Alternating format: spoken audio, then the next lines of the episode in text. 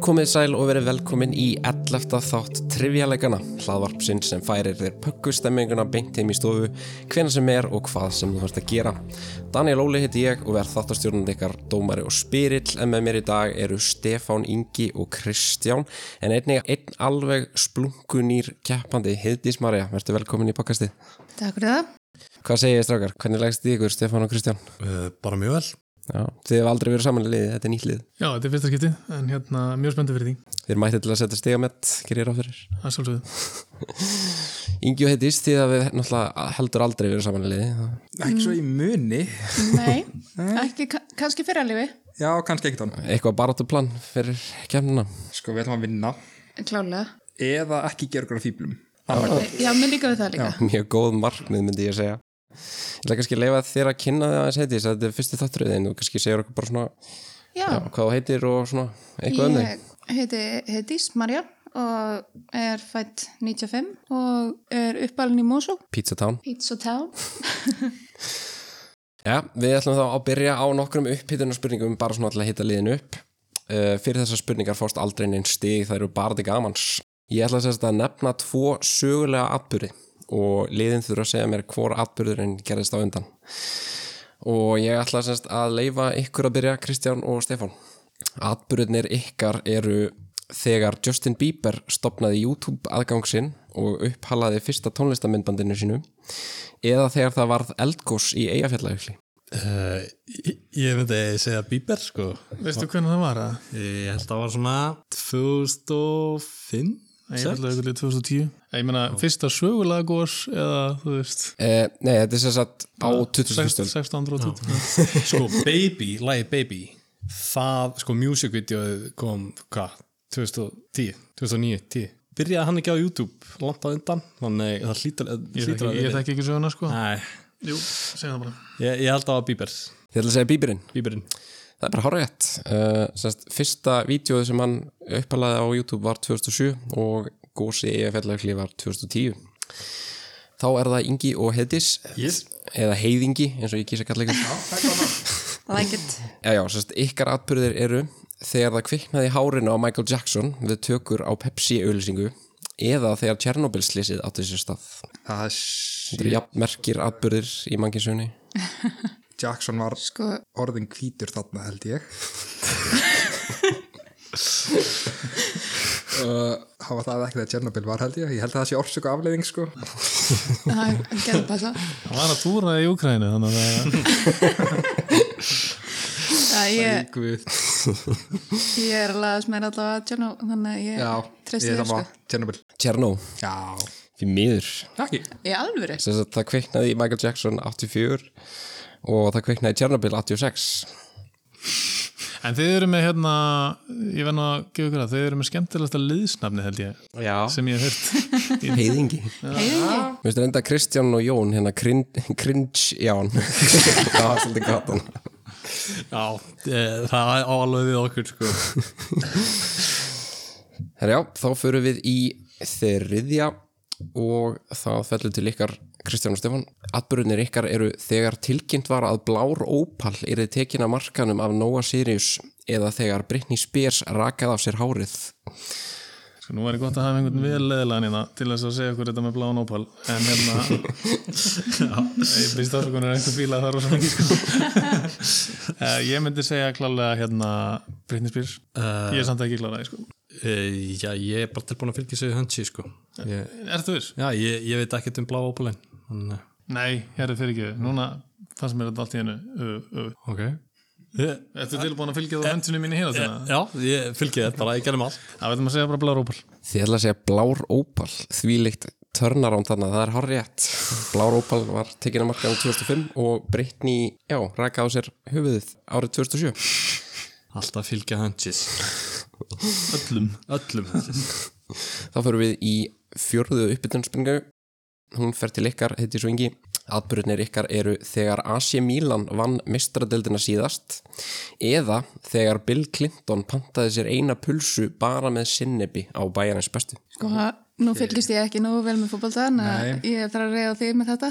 Ég man ekki hvernig að sem Milan vann síðast sko. Clinton Pulsan var 2006-7 myndi ég halda 5-6-7 eitthvað þannig Ég veit að AC Milan tapaði 2005 Ég veit ekki hvort þeir hafa unnið eitthvað eftir það Ég Já, ætla og að- þeir, þeir eru nötta Ok Þá segjum við að uh, AC Milan vann Þið ætla að segja að það hafi gerst á undan Já, já, Ég hlusta þegar ég ok Þetta er algjörd gísk Nei, þetta er ekki rétt uh, Bill Clinton vildi eina með sinnebi 2004 en AC Milan vann 2007 Já. Eh, Já, þá förum við í næst síðustu uppbytun Það fer til ykkar Stefán og Kristján Ykkar atbyrðir eru þegar Íslandi mistókst síðast að komast á úrslitakvöldi Eurovision eða þegar Donald Trump vann fórsetakostningar bandaríkjana um, sko, hérna hv- okkur mistók síðast Við sökkum alltaf Já, já og mistók svo er ekki síðast hérna Okkur hlýtur að minnst ekki síðast eftir 2016 Já, Er það ekki? jú, ég, ég, ég held það sko. Hver- Hver er spurningin? Fyrir þess, þú veist hvort Já, hvort gerist á undan, Trump eða Eurovision Já, ég, ég, ég, ég ég, held, Já, Trump Þeir til að segja Trump Já. Það er hár rétt, þeir eru með öll þrjú rétt Töpum við ekki núna á þessu ári? Nei, við komumst áfram en Komumst áfram á og þessu. þriðja fjórða sæti Já, Ég- Við komum semst á úrslitakvöldið en við endum í 2003 Já, mér fannst einhvern veginn eins og við hefum ekki komist áfram út af því að þetta var það bara ásakið og eftirminnilegt. ábúturinn, ábúturinn, ég er enda fylgdist ekkert úr þess en ég man, ég, satt, ég var hjá félagin minnum þegar eh, sem sagt, umslagið var opnað það var svona ábúturinn held ég þetta árið í hjá Já. Íslandi í Eurovision þegar Íslandi komið upp úr þessu blessaða umslagi sko. Já, ok, ok. Nei, ég meina, ég, mér tókst að komast semst að úrslitakvöldi Eurovision án þess að vita hvað framlag Íslands Já, væri í ég, Eurovision same, ég sá, heyrði það í fyrsta skipti á kvöldinu Ég var að reyna það sko, og það, ég er bara mjög fegin af því að Ítt lag, ekki Ég ég bara, man samt lítið eftir því ei, sama hér sko Var þetta ekki hérna systurnar? Jú, Jú, sýstur Já.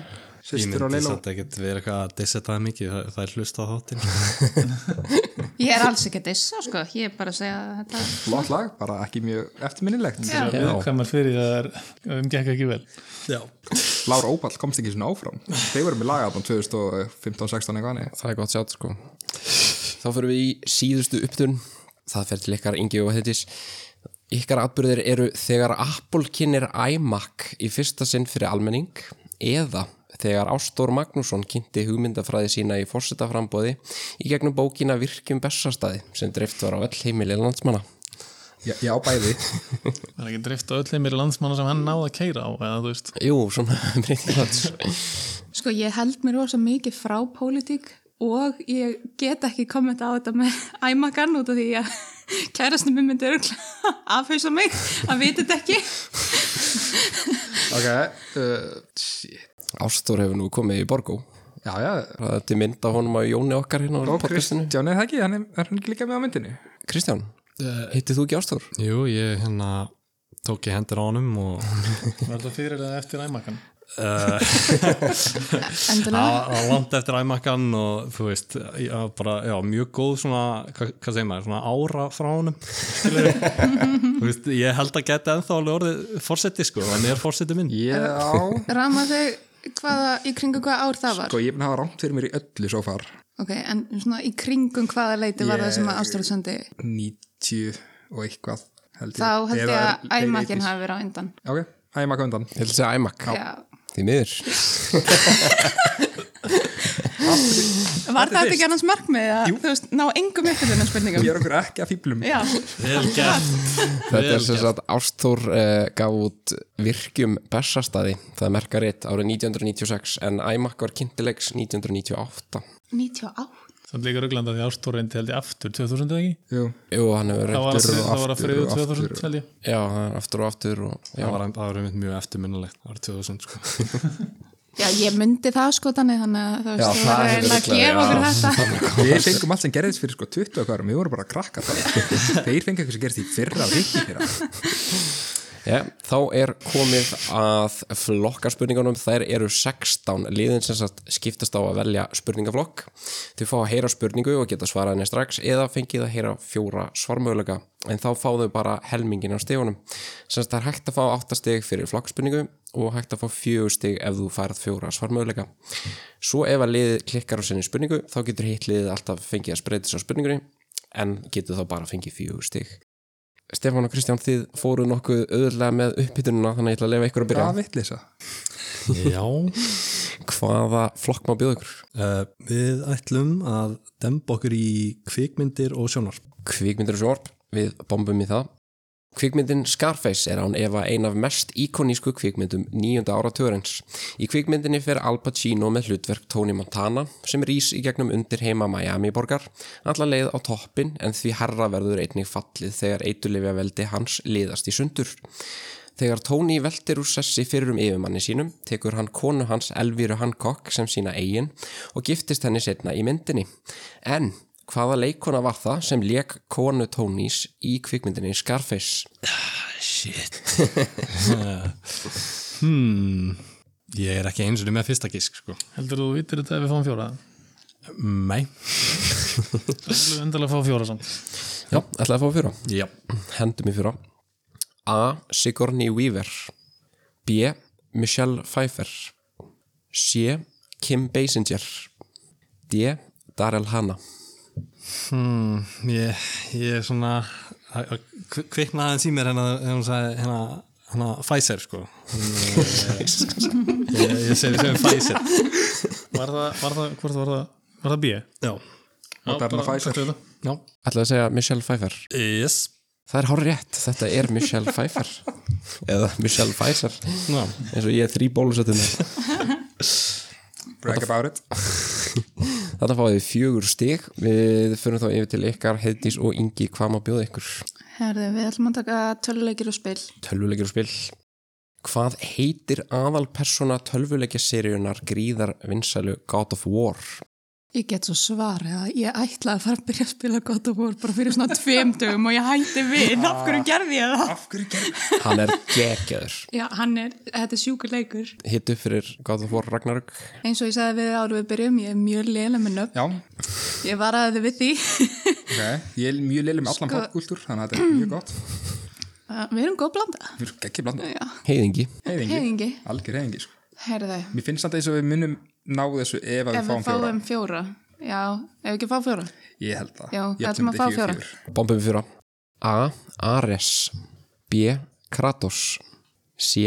Kronos D. Atreus Herru, það ekki Jú, ég held það. Kratos Þetta er að segja Kratos Já. Já, Það er hárétt svar, vel gert Lífjamt já. Nýfjönd, þið jafnið þarna, fjögur fjögur Já, Kratos er sem sagt alpersonum en svo er Atreus þarna litli strákurinn sem var með honum í já, ég var alveg mjög nála til að segja það sko. Já, ok Já, Stefján Hvað var Ég bjóður? ætla bara að hérna, halda, við, halda í hefðina mína og fara í íslenska landafræði. Ég var eiginlega búin að verkja með það áður en og sæðir Já, ég líka. fyrir mig íslenska landafræði. Þrennt var lengi vel talið óteljandi á Íslandi. Tvent af því voru eigur breyðafjarðar og vastalshólarnir. En hvert var hið þriðja? Það eru vötnin á Arnarvats heiði. Það er hárætt. hvernig vistu þetta? hvernig? Stefan heldur áfram að Það vera er ekki með það. baneitraður í íslensku landafræðinni. Þannig að taka Stefan og Kristján fórustu 12-4 fengu 8 steg fyrir. Koma að bjóða ykkur, heiti svo yngi. Við ætlum að herma eftir, fara í erlenda landafræði Ú, landafræði. Já, Jeddah er ekki bara næst stærsta borg Sáti Arabíu, heldur einnig tíunda stærsta borg miða Austurlanda. Þá er Jeddah talin höfuðleiðin til Mekka sem liggur einingis um 65 km austan við borgina en einnig til Medina sem talin er næst heilagasta borgin innan Íslam en hún liggur ekki nema um 360 km norðan við borgina. En að hvaða hafi liggur hafnarborgin Jeddah? Það var að fyrsta sem metta þig. já, eða ekki Herru, það er Rauðahaf Það er rétt, vel gert.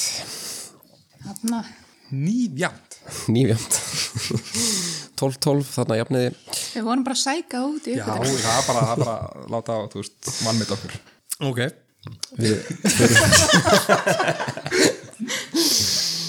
Við förum þá yfir til Stefjáns hvað má bjóða ykkur mm, já Stefján Stefján vill eh, vísindi vísindi grjótart ég er ánaði með ykkur það er ekki 16 steg Ég ætla, að sé- ég ætla bara að unplugga, unplugga mig hérna. aðeins. taka klósitrippið snemma Við förum í vísindarspurninguna.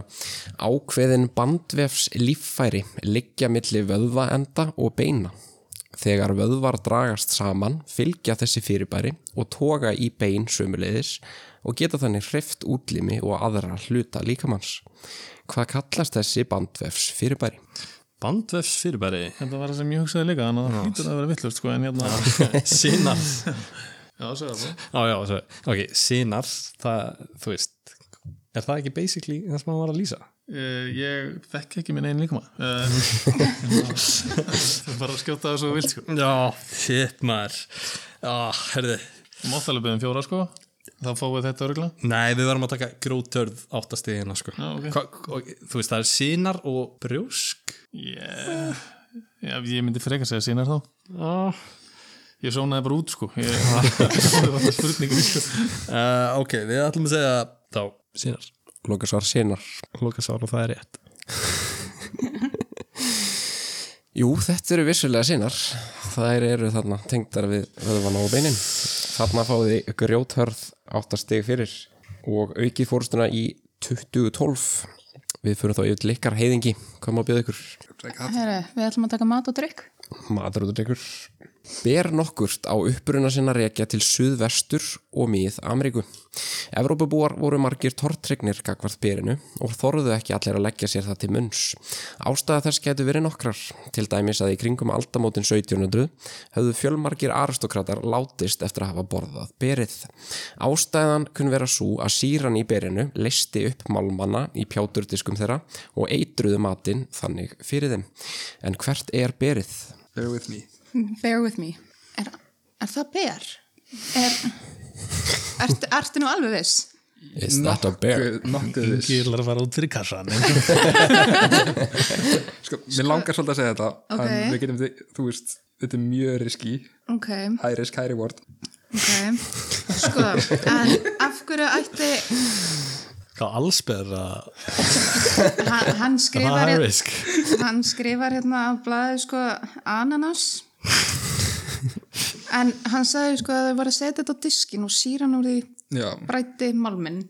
Ekki þú satt? Já, skerði leystu ekki, upp málminn. mörg- þú skerði ekki mörg ber En hvað með, nei, kannski ekki, en ananas, ég, Líffræðilega séð, eða þú veist, vísinlega séð er það held ég ber Alveg svo tómatur er ávöxtur og Já. banan er líka ber eða ég maður rétt En ef bara fá fjóra Og ef eitthvað er annars þá fæ ég að skjóta á það ok, ég, Ok. ég er samþyggt því, við ætlum að Tökum fjóra Þetta er að taka fjóra. Ég ætla bara að minna á einu sem sagði þú að taka fjóra að veri pussy move sko. Ég veit ekki um hvað þú ert að tala það er ekki til á upptöku Já, Ég neita þáttur sex eða eitthvað Þá- þá- Þú getur Ég er hlustað að í- það kemur heim Ég er í fyrsta skipt að taka hát Ég held þú sért eitthvað að ruggla á mína þér. Já, það gæti verið Já, fáum fjóra. A. Allsber. Nei, þetta er hvað. A. Súraldin. B. Hindber. C. Trönuber. D. Tómatur. Ég held þessi greipaldin.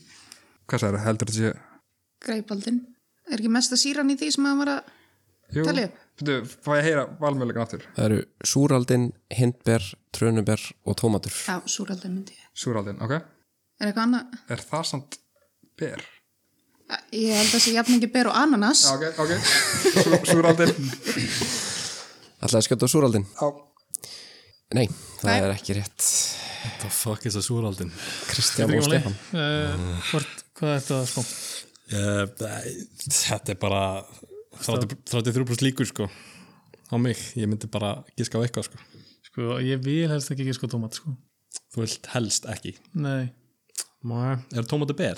greinlega það var ekki engi að segja það engi hefur þekkið berinn, ég veit ekki Segjum ekki neitt. Ég meina, hann- þú veist, Nei, ok, ef við viljum ekki þú veist, sleppum því bara að giska á það Mm, tómatur er Um. ber Um, Sko, ég, ég, ég bara veit ekki sko, er, hva, hvað myndi leysa upp einhvern málm, það væri eitthvað mjög súrt ber Er ekki trönubir súrar eða? Ég veit ekki. Æ, hva- hvað er súrast af hinn, trönu og tómatum, ég myndi ekki segja tómatur sko. Nei, ég, nei, við erum bara saman á það. sko. hmm, hin, hindber og trönuber ég, Viltu taka það? nei, tattu þetta Ok, trönubir. Vil segja trönuber? Nei, því miður. Það er ekki rétt. Þetta er tómatur. Þetta er tómat. Yes. Ég sáttar að það, það er heldur en hind, sko. já, Býtu, Ég, segði það ekki er svo ávöxtur. 1700? Jú, eða sem sagt, það var í kringum aldamóti 1700 þá voru, eða sem sagt, það voru aristokratar að borða tómata og þeir voru að geta þetta á svona lélugum pjáturdiskum úr, úr blíi og, og tíni og einhverju og síran í tómatanum leistið upp og Áhugaður. En ég held samt að tómatar væri ávegstir, ekki ber. já, þeir eru ber Okay. En annars er líka ber. Við verðum að fact-checka það. Þú ert lækni, þú ætti að veit þetta. Já, Daniel, gott að vita þetta Akkur hafði ég ekki ananas sem option með þér Já, við förum þá Það yfir hefði hvort þið klúður að. til ykkar Stefán og Kristján Kom bjóður, uh, Íþróttir, fáum íþróttir hoppum í íþróttir Hann hefði rétt fyrir sig með annarsen. Er ananas ber? Það er hérna, a pineapple is neither a pine nor an apple, but a fruit consisting of many berries that have grown together. Nó, hmm. samansapnu beri Null stig Við förum þá í íþróttir Góðsagnakendi Formúlu 1 kappin Nikki Láta var heimsmeistari formúlunar árið 1975, 77 og 84 og er einnig sá eini sem hefur unnið titilin með bæði Ferrari og McLaren. En frá hvaða landi var Nikki Láta? Náttúrulega mitt svona generic first guess er bara Deutschland sko Ég held að hann sé ekki þann Nei. Þeim miður Þú er náttúrulega fylgist með Formule 1 Já. Grótarðir Formule 1 Já, núna, já En þú veist, sko, hann var að deyja bara fyrir tveimur árum eða þreimur árum eða eitthvað mm. En s- svo var líka myndin hana með hana Þór og hana, me- muni ekki eftir með hana, hvað heitir hann aftur? Myndin, bíómyndin? Er þetta hann þættina? Nei, Rush. Russ, já, Ah. Russ Segir maður sem hefur ekki séð neina bíómyndir. Ég hefði ekki séð hana. Þa, á, það, það er mynd um hérna Nicky Láta og Já, já, já, já. Og ég held að hérna Þá fannst mér eins og hann var með þýskan hreim, sko en, Fyrst þér það? mér, fa- Í myndinu fannst mér þetta að vera þýskur heimur, sko En, Já, ég held bara því miður Ég get aldrei giskað á þýst, sko okay. Ég geti tekið fjóra líka eða vilja. Sko, þú getur alveg, þú getur alveg fengið þýskan reym, sko. sko. Já, Það er alveg trú að græja það, sko. Já, ég meina eh, Þú veist, hann getur verið líka frá bara, þú veist, Lichtenstein eða Austuríki Já, já, það Sviss. getur alveg verið, sko. En hérna, sýstur ekki. Mm. Já, fá bara fjóra, prófum að fá fjóra. Já, Ég er það týndur, sko. Fáum fjóra. Fáum fjóra. A. Ítalíu B. Östuríki C. Hollandi D. Gríklandi ég myndi segja Austuríki Við segjum Austuríki Loka svar. Já Það er rétt. Þetta er Östuríki. Góða svo Þetta Ó, fáum þú veldar það velgjörð. við fjögur stig Við vorum hann um björnsinum á. og farið þarna Það komið það líka bara þetta. Þíski reymurinn, sko hann er að gefa staðan er þá 24-12 fyrir Stefáni og Kristjáni Heiðingi, hvað maður byrja ykkur? Þeir eru, við ætlum að taka trú og tungumál. Trú og tungumál Já Meðal germanskra tungumála eru rúnir elsta form leturs en orðið rún getur þýtt leyndamál eða engamál. Til eru tvö rúnakerfi en það fyrra var samsett af 24 rúnum og það nýrra samsett af 16 rúnum. En yngri rúnirnar hafa aðeins fundist innan Norðurlandana sem og á Breitlandsegjum. Bæði kerfin eiga það þó sameilegt að vera kölluð fúþark. En hvers vegna er rúnastafrófið kallað fúþark? Ég geti fengið fjóra, eða vilji. Hvers vegna? Hvers vegna Daniel vill lesa fjóra. Venjulega í svona spjöngkefni spyrtum, þú veist, hvað ekki hvers vegna? Ég er ekki góður í hvers vegna. Ég skil bara hvað og hvenar. Hvers vegna er það kallað Þú þarf, þetta hlýtur að vera eitthvað að gera með fúfark? fyrstu, þú veist, fyrstu stafina í stafrónu eða eitthvað. Fúfark. Ég er svona að sjá hvort það komið til mín ef ég segi þetta nú hægt. Fúþark? Fúfark. Þú þarf. Fúfark. Nei, ok, ég get taka fjóra, Já, góta, fá- ég er fá engur fjóra. nær, sko. Já, Fá fjóra. Tökum fjóra. Já, A. Vegna þess að elstu rúnir sem hafa fundist eru frá fornaþorpinu Fúþark á Orkneyjum. B. Vegna þess að F, U, Þotn, A, R og K eru mest notuð rúnirnar í rúnastafrónu. C. Vegna þess að fyrstu sex stafirnir í stafrónu eru F, U, Þotn, A, R og K. Og svo D. Vegna þess að gamla norræna orðið fyrir stafróf var Fúþark. sko, mér langar ekki að segja þetta hérna. Mér hefur líst vel á þetta hérna. Mér líst, ég held að þetta sé allt vitlust. Ég skil ekki, Uh, þetta var Já, þarna- gamla gamla orðið. Gamla orðið Já. yfir stafróf. já. Mér finnst líklega að það sé D heldur en B. Já, já. Mér finnst líklega að það sé þú veist, út af að þetta eru Fúþark. gamlir, gömul orð frekar en að það séu mest notuðu staðunir út af Já. eitthvað Jú, hvernig vita segjum er bara fyrirfram sé gamla. að þeir myndu vera svona já. segjum þetta sé gamla já, D Ég ætla að segja D Já. vegna þess að gamla norranna orðið fyrir stafru var þú fúþork. Já. Því miður, það er ekki rétt. Stefán og Kristján. einhver staðar hef ég heyrt annarkvort B eða C sko. Ok. bara mest notuðu stafinir eða fyrstu sex Þessi kennitölu hefur náttúrulega haldið sér sko Hm. Hvað héti okkar stafróf samt eða væri fyrstu sex sem það héti eftir? Nei, MS nótu, fyrir ekki já, herðu, alfabet alfa, beta, fyrstu tveir stafinir Ná, góð. fúþark, fyrstu stafinir Vi, við segjum fyrstu sex Ég ætla að segja fyrstu sex. Já. Það er rétt. Það er mólið mikið Ég skil maður Þetta eru fjögur stygg. let's go skolli, Hvaðan kom þetta? alfabet, alfa, beta, Já, auðvitað, fyrstu tveir já þetta er bara vel hárrétt. gert Af Því ég var bara eitthvað að þruggla um hvað okkar héti En þú veist, já, já, emmitt Stefán, Ján.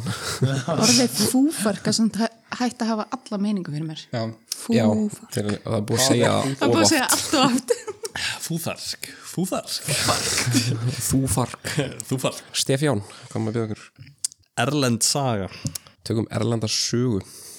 Uppruna orðsins kamikaze má rekja allt aftur til 13. aldar þegar óveður bjargaði Japan í tvígang frá innrásaflota mongólska keisarans Kublai Khan. Kamikaze er því samsett úr tveimur orðum sem vísa til sögulegs uppruna þess. En hvað þýðir kamikaze? er þetta ekki eitthvað heilagur vindur eða eitthvað ég hef ekki hugmyndu hvað þetta þýr Ég, mér líður svo að þetta sé svona eitthvað divine wind Er það? já, heilagur vindur Bara giskiðin eru búin að vera on point sko, gjör svo vel uh, já, bara I guess, heilagur vindur Lókur svar. já, Já, ég ætla að gefa rétt fyrir þetta. Þetta er guðdómlegur vindur eða heilagur vindur. Ó, takk Vel gert. takk fyrir að gefa okkur þetta Þannig að aukið fórstuna kom með 36 stig uh, Við förum yfir til ykkar heiðingi Hvað má bjóða ykkur? Uh, hvað vil ég fá? eða ekki að taka tónlist bara Jú, jú, jú. tökum tónlist Bambin tónlist Árið 1998 gaf bandaríski rapparinn Puff Daddy út lagið Come With Me í samstarfi við góðsagnakjanda enska gítarleikaran Jimmy Page. Í læginu leikur Page gítarhluta úr einu lægi hljónsveitar sinnar Led Zeppelin en á bassa leikur Tom Morello undir. Lægið var gert fyrir kvikmyndina Godzilla með Matthew Broderick í aðluturki sem kom út sama ár en samstarf Page og Puff Daddy fór mjög svel í aðdáendur Page og Led Zeppelin og hefur lægið til dæmis ekki verið gert aðgengilegt á neinum tónlistaveitum en þó má enn heyra lægið víða líkt og til dæmis á YouTube. En hvaða lag Led Zeppelin var það sem var notað í lægi Puff Daddy Come With Me? Mér langar svo mikið að gera pása á, á podcastinu eftir þetta og bara hlusta á þetta. Vá, hvað mér langar að heyra þetta. Andrjós, Já, ekkert smá. Ég finnst ekki hugmynd um hvað þetta er. ég, ég veit hvað lag þetta er en Ó. þú veist, mm, þannig ertu til í að rappa part úr því fyrir okkur svo gefa þið být Ég ætla að gera öllum hlustendum nútímar og framtíðarnar bara þann greiða að gera það ekki. Já, ok. Um, veist, hefur hugmynd hvað þetta getur verið? það verður í direktorskött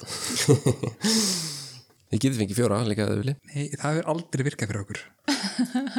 Nú einu sinni. það eru margir sem að muna að fæsum mig fyrir að vita þetta ekki Þekkir eru marga sem að afhauðsa já, ég, ég er í eh, ég er í kvöldi sem að afhersur fólk fyrir að vita Þeir eru ekki þessi frönsku gæjar aðna frá 1790.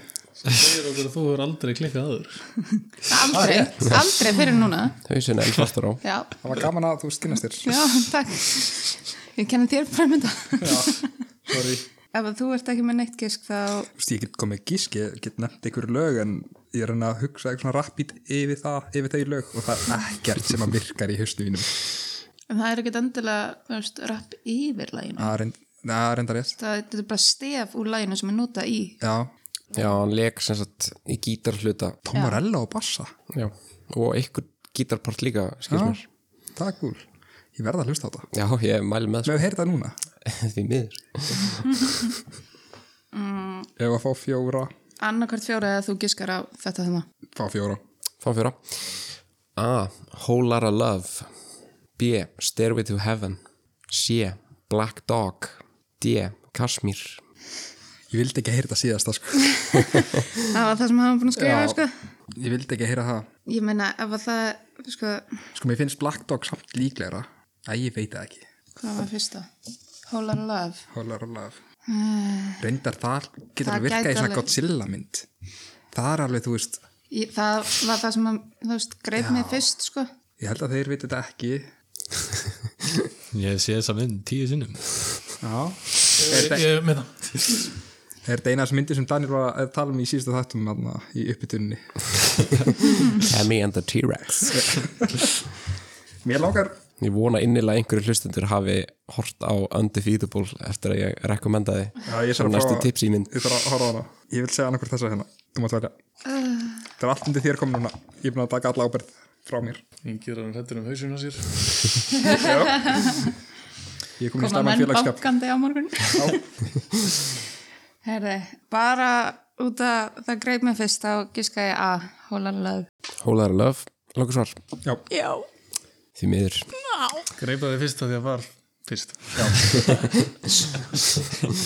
Stefán og Kristján, uh, hvað er eitthvað gísk? Stairway to Heaven, mjög rólegt Viltu ekki ekki skoða það þá? já, ég vil nei. ekki ekki skoða það sko. Já, nei, e- e- sem sagt Ég skrifaði Black Dog fyrst sko Hmm? Áður hann að reynda mögulegan að koma En hérna okay. En svo eftir að ég heyri mögulegan þá fannst mér að vera Kasmír Ég man ekki hvernig það er sko. Ekki eldur eftir að Kasmir það Ef það er skilja að Kas- missa hausk Ef ef það er gott skil að að við missa þekkjum það ekki eða Eða hvað? Nei, tökum bara þetta Black Dog Við verðum að taka eitthvað sko Já Viltu, hva, Nei, nei, hvað viltu þið taka? megið segja pass Hvað viltu taka? Ég veit ekki, Líka bara segja pass. Seg, Segja pass segjum Black Dog Black Dog Black Dog?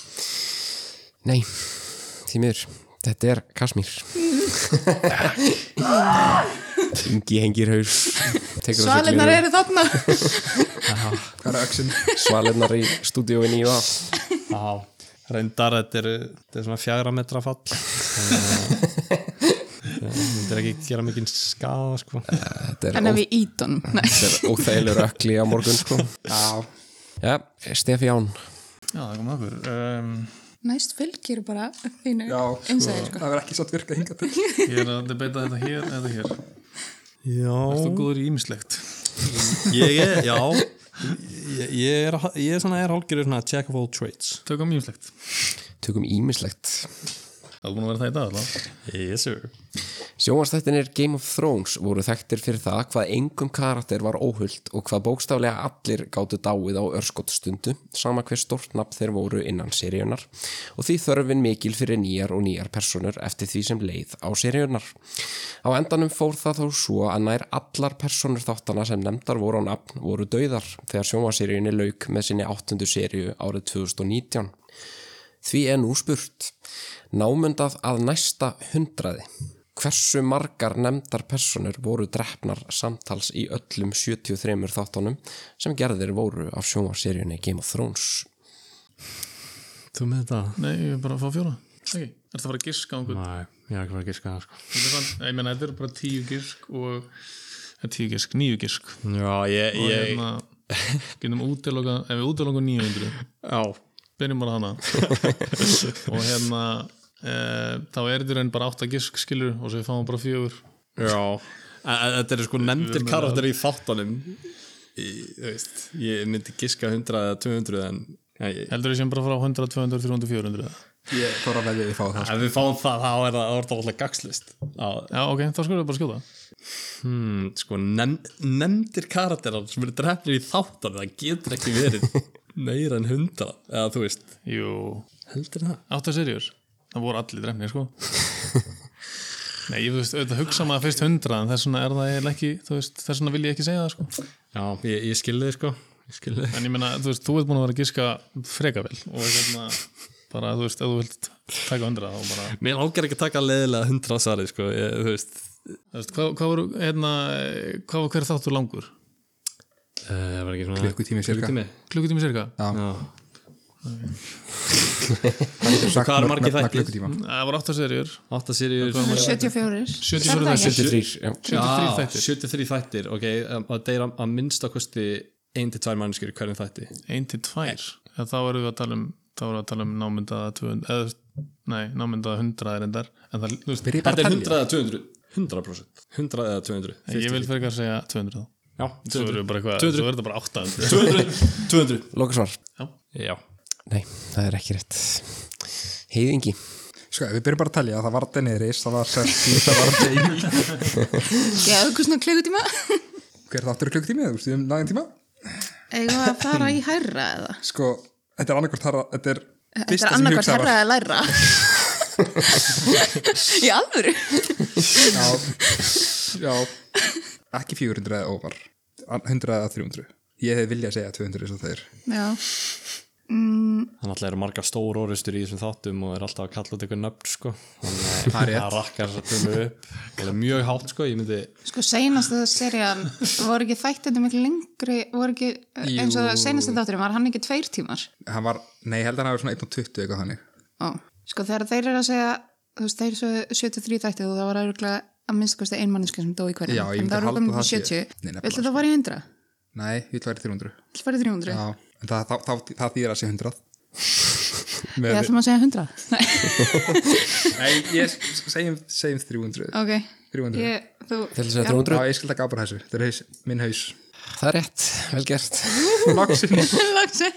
það ég hafði hausnum. Fjögur stig Ég verði Þetta ekki svona skipti. stark, hann er einn aðeim. Það er Ég var mikið búin að minnin, skrifa staðan hérna. er 36-16 Þú bent Ég það var einhvern veginn erfitt með að trúi þessu samt. sko. Þetta voru 260 nefndar personur sem voru drefnar yfir 73 þætti og það eru bara fjórir þættir í öllum seríunum sem inni heldur sérst enga döta með nefndum karakterum. Já, þetta kom. Hvað má þá bjóða ykkur heiðingi?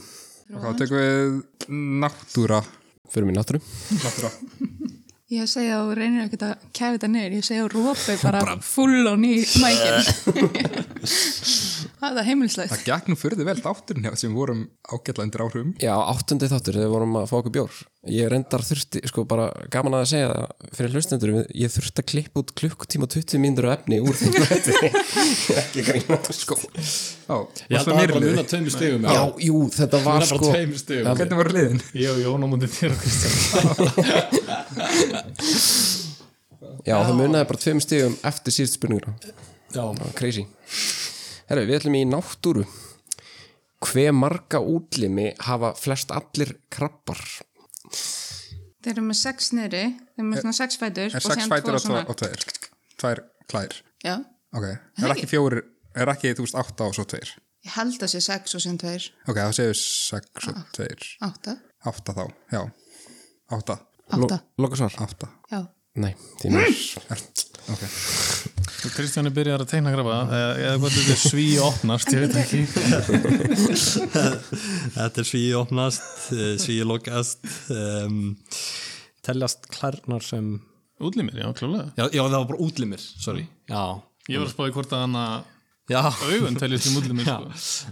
eitthvað þetta meina, hvað er þessi standandi eða? Nei, nei, nei, nei, þetta er, þetta er klærnar hérna, sko. Já, Já, þannig með, nei, hann er með eina kló og svo er hann með hann að, eða þú veist, væsgrip það er bara aldrei sex. Um, ekki segja það kannski en- þannig, þannig, sko, þá er það bara annarkort uh, tíu eða tólf. Þetta er, er þetta potið ekki óttala? Óttatala. Já, ég er ekki samfæður sko, þú veist, um það sjálfur sko, ég bara, þú veist, Hittist á millileginni, segja allu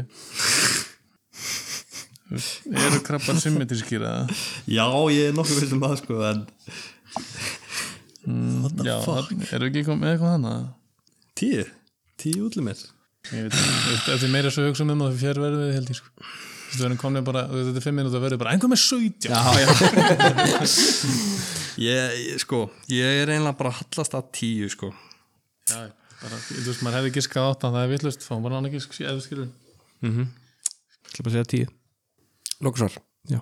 Það er rétt, þetta eru tíu Þetta eru átta fettur og svo klærnar Átta fætur, En hvað með skottið? hvað með hotnin? Augun sér að telja ekki. Augun. Þau eru svona semjastilkum, ekki?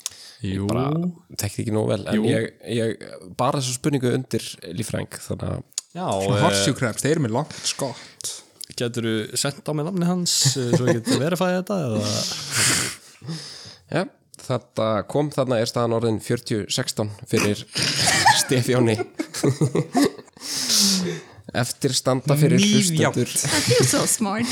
fjórir flokkar það er íslensk saga, stjórnmál, bókmentir og listir Hvað má bjóða ykkur Stefjón? Kristfán uh, Kristfán vill helst fá um, stjórnmál Stjórnmál, yes Bandaríkja fórseti nokkur gaf Camp David núverandi nafn sitt árið 1953 en hann nefndi staðin bæði eftir barnabarni sínu sem og föður sem bæði báru nafnið David. Hvaða bandaríkja fórseti var þetta? uh, sko það var náttúrulega Var þessi á eftir þessum? Þessi, þessi var eftir þessum Trúman kom eftir Anna Roosevelt þegar hann dó og s- s- svo kom Eisenhower eftir Trúman Já, hvað var Trúman lengi? Trúman, Var hann ekki endurkjörinn að? jú, hann var endurkjörinn sko, Það voru dörlega þessi Hver kemur hann á eftir? Kennedy Bara hann að ræða þessi tíma sko já, ok, já Fyrir þau líka Jú, jú, jú, þa þa e- þetta hlýti þá í rauninni að vera Eisenhower Já, jú, jú, kjörinn. jú, þetta þetta er Eisenhower Er það? Já, Ok Eisenhower Það er rétt. eins gott ég var ekkert að hlusta Hann skrifaði bara hlaði, ég glemd að hlusta. ég veit ekki hvað spurningin var Þú getur alltaf þannig, að hlusta á podcastið og það er hann aftur já, ég gera það, ég gera það, já Fylgið okkur á Ingi, Ingi má gera það líka Ég er með Prime aðganga til við leikur það bjóð svona uncut á uncut version Já, já, nice Pæling fyrir framtíðina. Ertu í alvöru að auðra á Daniel? Ertu í alvöru að auðra á Daniel? Þess vegna er Kristján búin að vera með svona darkar hérna. spurningarna. þetta útskýr allt Á ég að pröfa. Já, verðið er búið að hækka samt eftir Kristján. sko. no comment sko. Það er reyndar, það getur ekki notað auður þú ert að leggja inn á hann hérna í bitcoin sko. Það er óreikjalegt en hún er ég búin að eiginlega það því ég sagði það upp átt Það er ok Heri, það er, staðan er 48-16 en það er rosalega mikið stigum eftir þannig að þetta er langt frá því að vera búið. Hvað má bjóða ykkur uh, heiðingi? Heiðingi vill fá listir. Í hvaða söngleik Hugleiks Dagssonar kom fyrir lægið Hitler var grafískur hönnuður? sko, ég man eftir þessu lægi ég sá ekkert að þennan söngleik en ég, um leið að ég heyra nafnið þá veit ég að ég veit það uh, jú, ég held við þurfum að taka fjóra nema, Spurningi var hvað hétt söngleikurinn? já, sem hugleikur Dagsson gerði Já. já, fáum fjóra Fáum fjóra. já, A. Forðist okkur B. Fermið okkur C. Baðstofan D.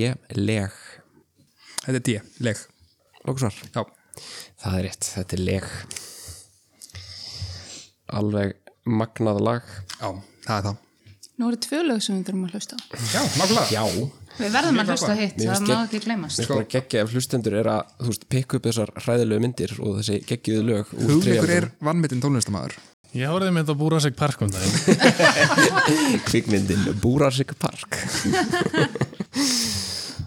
Það Ah, er svo gott ja, Eftir standa tveir flokkar Íslensk saga og bókmyndir Hvort maður bjóð ykkur Stefján Íslensk saga Íslensk saga Ha, sem er bókmyndir nú, ó, Já, já ok, bókmyndir Bókmyndir Þú vildi það frekar Ég, ég var sammála Já, ok, ok, ok, ok Kristján, þú vilt bókmyndir Ég vil bókmyndir Hvað heitir aðal persóna bókana úr bókaseríu Dans Brown fullu nafni? En bækurnar eru Da Vinci líkillinn, Englar og djöflar, Inferno, Upprunni og Tíndatáknið. Fullu nafni, ég veit bara að þú veist tvö nafn skilur, ég held að sé ekki með fleiri Þannig ég ætla bara að segja það Ég held að sé ekki millinamn sko Eða þú veist, jú, ó, það er kannski millinamni, ég veit það ekki þú með þetta? Já, ég veit ekki millinamni samt ef það er sko Þannig ég ætla bara að segja hitt Er það eitthvað svona? Það er eitthvað svona, já Já, en hann, hann getur verið með millinamn sko Ég veit ekki um það Ég, já, ég held að sé bara þetta og svo það Bara tvö- tvö nöfn okay. uh, Viljum að segja Robert Langdon Það er rétt, þetta er Robert Langdon farið þarna í 56 stig staðan er 56-20 og við förum í síðasta flokkin við sem ætlum að fá íslenska sögu er förum í íslenska sögu Hvaða ár yfirgaf bandaríski herin Ísland og keplauguflugvöll formlega eftir um 55 ára á dvöl hérlandis? ég man eftir þessu þannig að þú veist, þetta getur ekki verið Já, þetta- 99 Nei, þetta, þetta var eitthvað tímann eftir 2000 aldrei. já, við getum líka mikið fjóra en við fáum þá örugla Eða árið 2002. 2002, 2004, 2004, 2005 Ísland og mat og erinn burt Veist, það var ekki inn í slagurinu árið Nei, Árið er við ég veið að taka Nei, það er heigulskapur að taka fjóra uh, já, já, já, já, já, Herri, við ætlum segja að þegar við vorum nýjara sem er 2004. Þetta er að segja 2004 Já, því miður, það er ekki rétt Okay, þetta er bara, sem sagt, bara, bara frá því að bandarækjumenn komið inn á fyrst og bara þannig til hann saði þið eftir um 55 ára dúl þannig að við viljum segja 1999 ekki? Jú, e e- ef þeir komið inn á 44 Það er að segja Já, ég er, að, ég er að stóla á það ég Já. er ekki alveg kláraði Já, það var það sem ég var að spá í mm það er, já, mér finnst það mjög gott kísk sko, eða bara Já, þið ætlaði að segja 99 99 Nei, því miður Þetta er 2006 Sorry, maður. Fyrir geður. Fyrir geður. Já, byrju. Nei, nei, engar ágjur Þetta er, Eða þú sett upp var bara fyrsta kísk. herstöðina þá Já. já, Mér fannst 2006 eitthvað svo seint, já, sko. ég, ég er alveg samlega, þegar ég fyrir að pæla í því, þá var svona, nei, þetta lítur að vera aðeins fyrr Já. Þetta var fyrsta sem ég skrifa, bara um leiðu fast, Já. með það fast að lesa, þá var ég bara svona 2006 Þannig, Sem- hvenær koma þér fyrst? Þú veist, alveg fyrst Já. Það í stríðinu, það var 41 41? Já 7. júli 41 minnum mig 41 Já. Ef ég hefði verið með það, þá hefði verið ennþá fyrir en það er ekki skilu, sko. En þú veist, En sko valmögulegarnir sem að ég skrifaði voru 2001, 2003, 2005 og 2006 en 55 eru duðul frá því að reysa herstu og þangar til þið fara. Ekki frá fyrstu komu, Nei, ekki frá fyrstu komu það eru glandi. Herjá, staðan er þá 56-20 fyrir Stefáni og Kristjáni og við förum í bjöllspurningar. Bjöllspurningarnar eru tíu talsins, það eru átta stig fyrir hvert rétt svar og það er rosalega mikið stigum eftir í pottinum, þannig að enn getur allt gerst. Uh, ég ætla að fá að heyra í ykkar bjöllu heiðingi. Þetta var ykkar bjalla Heiðís og Ingi og ykkar bjalla Kristján og Stefán.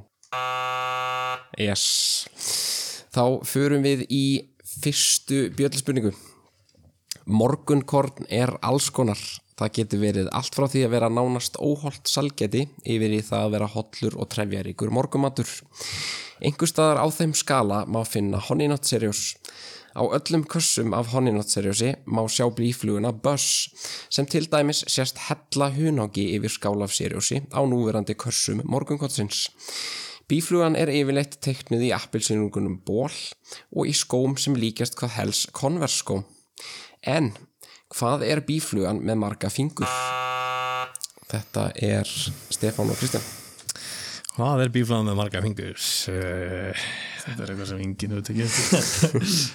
ég, mi- mitt finnst að þetta er þrýra eða fjóri fingur það er mér svona teinumyndalegt einhvern veginn Já, mikið mús sem er með fjóra held ég þannig er það ekki bara Buzz með fjóra líka bara gerur vel. fjóri, fjóri fingur Lókasvar. já, Það er rétt. Þetta eru þrýr fingur og þumall. Það staðan þarna 64-20. Við förum í aðra bjöldspurningu. Nú eru kvikmyndirnar innan Marvel kvikmyndaheimsins orðnar gríðarlega margar og personur og söguþræðir orðnir ansi margir og flóknir. Steve Rogers eða Captain America hefur komið fram í nýju þeirra kvikmynda auk þess að sjást einnig í Ant-Man frá árinu 2015. En hver var síðasta kvikmyndin þar sem þetta er heiti svo yngi? Hann kom seinast fram í myndinni Endgame og um, nú verði ég, ég fekk ekki spurninguna, ég var að fatta það núna, ég hef aldrei ekki þátt ekki þetta betur. Þú ert eina báti núna, sko þú, Ah. hvað, hvað gerist í- annað í endgame? Eða ekki, spo- ekki jú, spoilum uh, Ég verða að stoppa ykkur því miður. Þetta er rétt Þetta er rétt. Þannig vorum við að spyrja í hvaða mynd sástan síðast og það er Endgame, Avengers Endgame frá 2019. Þannig fáið þið 8 stygg og mingi munin í 2864. Við förum þá í þriðju bjöldspurningu. Árið 2001 kom allra fyrsti iPodin út og varð á skömmum tíma algjör bylting í því hvernig fólk hlustaði á og upplifði tónlist. Apple er talið hafa selt yfir 450 miljónir eintaka af iPodum þegar fyrirtækið tilkynnti að þeir myndu hætta framleiðslu þeirra í mæ árið 2022. Á þeim tíma þegar iPod fárið var hvað mest þá fylgdist Microsoft með gráðugum augum og vildi hanna sína eigin vöru sem myndi skáka og máta iPodin. Microsoft gaf því út sinn eigin MP3 spilara árið 2006 og opnaði sína eigin tónlistarþjónustu undir sama nafni sem átti að koma til móts við iTunes hjá Apple. Þessi spilari Microsoft var þó ekki langlýfur og var hægt framleiðslu á honum árið 2012 eftir að hann hafði beðið hrikalegan ósigur fyrir gríðarvinnsæla iPodinum. Hvað kallaðist þessi mislukkaði spilari Microsoft? Stefán og Kristján sko hefur þú einhverja hugmynd? Það er bara hugsa. En ég man samt eftir, þú veist, hinum MB3 spilarum skilur við, mm. hinum, þú veist, átt einhverju þannig skilur við held ég í skólanum eða eitthvað já, já. þeir sem að fóru á móti strömmnum respekt en þar, en þú veist en hérna, Mhm. En svo, svo var tón, hana, þessi þjónusta sem við notuði sko, fyrir tónlistina, hann hétt sama nafni hérna samanamni já, og spilarinn sko. ja, þannig ég er að, hérna það ekki bara hérna það ekki bara, veitum á Microsoft Bing, Bing Player The Bing Player Þetta var náttúrulega eitthvað sko Heitir þetta ekki bara þetta? Allt þetta var, Ég meina, já. þetta var dótið sem var í tölvunum allavega sko já, Þú veist, ef, að- ef, Því að- ekki. ef að þjónustan hérna sa... Nei, ég manna ekki maður, ég veit ekki Ég veit ekki, ég veit ekki um þetta sko Það er þetta bara, já, segjum þetta bara Windows Media Player Já, gott gisk en því miður ekki rétt Heiti Svingi Eh, Við ætlum að fá fjóra Þetta var það sem við vorum búin að skrifa Já, alltaf. þetta var eina sem að við vorum Þetta er einu með sem blad þetta dætt í hug. Núna er, í- þú veist, þú sagðir að það var líka tónlistaveita sem að þau voru með að samanafni. Já, ég er ekki grænan sko. Stjæmst við verðum öll við heyrum þetta þá verðum við bara, já, veit Já, pottet, sko. En þú veist, þetta er bara ekki One of komast- those já, sle, sleppi bara að svara og... Ég- Þú veist, Hvað heitir allt Microsoft og það er þú veist það er það er alltaf bara Windows.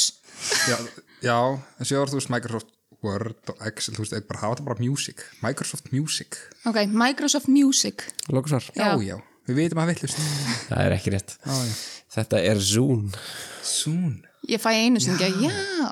Nei, Z-U-N-E Zoom á, Þetta kom ekki Það Mannstu hefur ekki eftir verið þessu? staðan í Microsoft ég var röglega við Zoom 2012 sem er allavega. þetta hérna Ég myndi mun eftir ef það hefði verið svoleiðis held ég Já, já En Þetta var náttúrulega ógeðslega mislukað og þú veist, fólk sem fjárfyrst í þessu bara því miður þú veist. Já, Ég átti bara iPod, sko enginn allar stökstra svo bara Já, við förum þá í fjörðu bjöldspurningu Hvað heitir Disney prinsessan sem kissir frosk? Þetta var Stefán og Kristján Þetta er þessum sem, sem Kissi Frosk Ég er ekki góður í prinsessunum um, Kissi Frosk Er þetta svona one of the big big three ja? Það er ekki, þú veist, Tyrnir á smjálkvít Þetta er enginn þetta er enginn af þeim sko Já. Mæ Er það að koma? Getur, getur við listað þú veist bara alla prinsessum Ég var að vona þetta- ég var að vona að þetta væri hérna Disney prinsessan sem að hefur drefði flesta en við vorum að ræða það hjá Daniel um daginn Ah. Ok Já, sko. það er tullu gott sko vorum við gett annað? Jú, þegar mjölkvít draf dörgan og sjö Já, allar Þegar súpan var ekki nógu heitt og hún bara brjálaðist ég er því Hvað miður sem hún gerir sjálf Snow White, það er mjálkvít Fuck Fuck, fastir í þessu Ég er bara með mjallkvöld og þinnir og sko Hvað með hana Það var ekki eitthvað sem hitt hana eitthvað Rap Rapunzel Skjóta það Rapunzel Þið ætla að segja Rapunzel Lókusvar Já Það er ekki rétt Ég ætla þá bara að klára spurninguna uh, sem kissir frosk í teiknimyndinni prinsessan og froskurinn Já, var það Ég næ ekki á bjölluna. Kristján spottar þið þannig Uh, þetta er hún Tiana. Þetta er tíana, það er hár rétt Thank Aftur you. stig Who the fuck is Diana? And who the fuck is Alice? Þarna minkiði munin í 36-64 Þarna fyrir við í fymtu bjöldspurningu Af öllum þjóðfánum heims eru einungis tíu fánar sem bera fimmhyrnda stjörnu í miðju fánans. Af þessum tíu þjóðfánum eru sex þeirra fánar Afrikuríkja. Tveir þeirra eru fánar Asjuríkja og síðustu tveir fánarnir tilheyra Suður Ameríkuríkjum. Nefnið allavega þrjá þessara fána. Þetta er Stefján. Það var þrýr svo svona með fimm hyrta stjörnu Hva, Hvað er svona augljósasta? uh, Þetta er eitt alveg Já, Hvað sem var, hvernig var, 6-2-2 eða, já Eh, já. Um, Nei ekki Er þetta ekki eitt eða? Jú, jú, Já, já, jú það ekki, Vietnam já, ég held það Shit Það mátt alveg segja það, skilur við, Já, mátt segja það. já um, Sko, ég er ekki viss En hvað með bara eitthvað svona basic eins og þú veist Kína líka er ekki stjórnum ekki miðinni já, í miðjunni, ég er ekkert að hlusta maður Í mið- ég hefði fokast þessa spurningu svo mikið upp maður uh, í miðjunni, já, þá er að klálega Sómalía, er, er ekki Sómalía eitthvað blár með svona hvítir stíðinu ok, þá ætlum við að segja bara ef ekki segja bara þessi þrjú Jú. Ghana, Vietnam, Somalia Það er rétt. Ríkin sem eiga eftir að koma fram eru Burkina Faso, Kamerún, Marokko, Myanmar, Paraguay, Senegal og Súrinam. Þannig fáið þið 8 stig, Stefán og Kristján og farið í 72 stig. Staðan er 72-36. Við förum í sjöttu bjöldspurningu. Til hvaða hafs á veðurfræðilega fyrirbærið El Niño? Þetta er heiðingi. frábærna El Niño er í Kirrahafi og hann var bara að spyrja um hvaðan hann kemur, held ég og hann kemur frá You're on your own there. Já, ég er búin að fatta það Ég er búin að fatta það Ég ætla að enda pyntinguna þína þetta er, við erum að spyrja bara úr hvað hafi og þú ert búin að segja, þetta er í Kyrhafi þannig að það er rétt, þið fáið 8 stygg farið þarna í 44 stygg þetta er sérst, já, viðfræðilega fyrirbæri El Niño sem að gerist á nokkrar ára fresti og það hitnar yfirborðsjórin, verður ekstra hlýr Við fyrir þá í sjöundu bjöldspurningum Drómasíki eða narkolepsi er taugasjúkdómur sem getur valdið ýmsum óvennilegum svepptröflunum, líkt og til dæmis sveppflógum. Það sem hellist óstjórnarleg sifja yfir fólk svo það sopnar allskyndilega. Á ensku er þetta kallað að vera narkoleptik. En, nafn hvaða heimsfræga enska tónlistamanns má mynda með því að endurraða stöfunum í orðinu narkoleptik. Þetta var heiti svo yngi. Nú kemur fimmina þögn Ok, Ég held það, betur Ég er búin að gera þetta hérna Tjekka á svolítið að vera viss líka Það vantur að gera þetta hérna já, Já, já, já. já þetta er, ok, þetta er Erik Clapton Þetta er Eira Klaptan Þarna. Þetta er á rétt það þurfa að ná okkur sko, við erum að hana, Með, þú veist, að hérna. vakna þeim Við förum í áttundu bjöldspurningu Staðan er 72-52 Spurt er um bjórtegund Þetta er ljós premium lager Hann er ósætur, meðalfyltur með lítilli beiskju En bjórin er hollenskur að uppruna Fra... Þetta er Stefán og Kristján maður er ekki skáð að þetta sé Stella Artois Nei, því miður sorry, Það er ekki rétt. Ég held áfram með spurninguna. Framleiðandin og brugghúsið var stopnað árið 1615 af Willem Nýrfeld í hollensku borginni Grönló. Margir tengja grænan lit eflaust við bjórin en hann er seldur í grænum flöskum með endurlokanlegum plasttappa og þá hafa dósirnar einnig verið seldar í grænum og hvítum lit til lengri tíma. Hvaða bjórtegund er þetta? Krolls, Gróls, já Ok. Endurlaganlegur plast já, Krolls, Krolls, Krolls. Krolls. Lóksvar. Já. Það er rétt, þetta er gróls. Þannig er staðan orðin 72-60. Við förum í næst síðustu bílspurninguna. Árið 2023 mun loksins koma út kvikmynd um okkar einu sönnu Barbaru Millicent Roberts eða Barbie eins og flesti þekkjana. Kvikmyndin er undir leikstjórn Gretu Görvik. Þá mun engin annar en Ryan Gosling. Þetta er heiti svingi. Uh, The Gosling og hún nafna og Robby, Margot Robbie Margot Robby, Já, sem að mun leika á móti. uh, Hún leikur Barbie, hann leikur Ken. já Þau, Mattel framlegir Barbie dúkurnar Maður heiti, fyrir ekki heitið Ég ætla að stoppa ykkur, þetta er rétt Við erum að spyrja um hver leikur Barbie og það er Margot Robbie Þarna minkiði munnin enn frekar og staðan er orðin 72-68 fyrir Stefán og Kristjáni Nýfjá Aftur orðin já. Við förum í síðustu bjöllspurninguna Hver er algengasti fugl heims? Kristján og Stefán algengasti fugl heims sem er þetta hmm. við þetta er einu sem við vitum þú veist, þetta er ekki meika sens að þetta var eitthvað svona sko.